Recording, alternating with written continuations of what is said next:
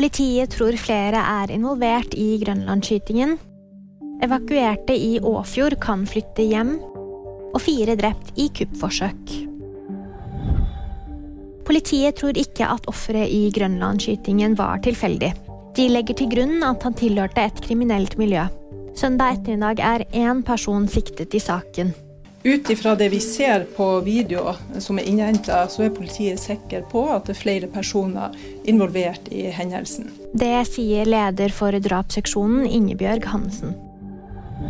Brannen på Roan i Åfjord kommune er slukket. De evakuerte kan nå flytte hjem. Det opplyser kommunen i en pressemelding. Brannmannskapet vil for sikkerhets skyld være tilgjengelig i området en stund fremover.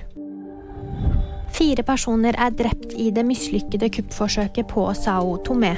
Det melder statlige medier. Ifølge statsminister Patrice Trovoada prøvde fire menn å angripe hærens hovedkvarter. Seks personer er altså pågrepet etter hendelsen. Og VG-nyhetene de fikk av meg, Drummond Britt Gahr.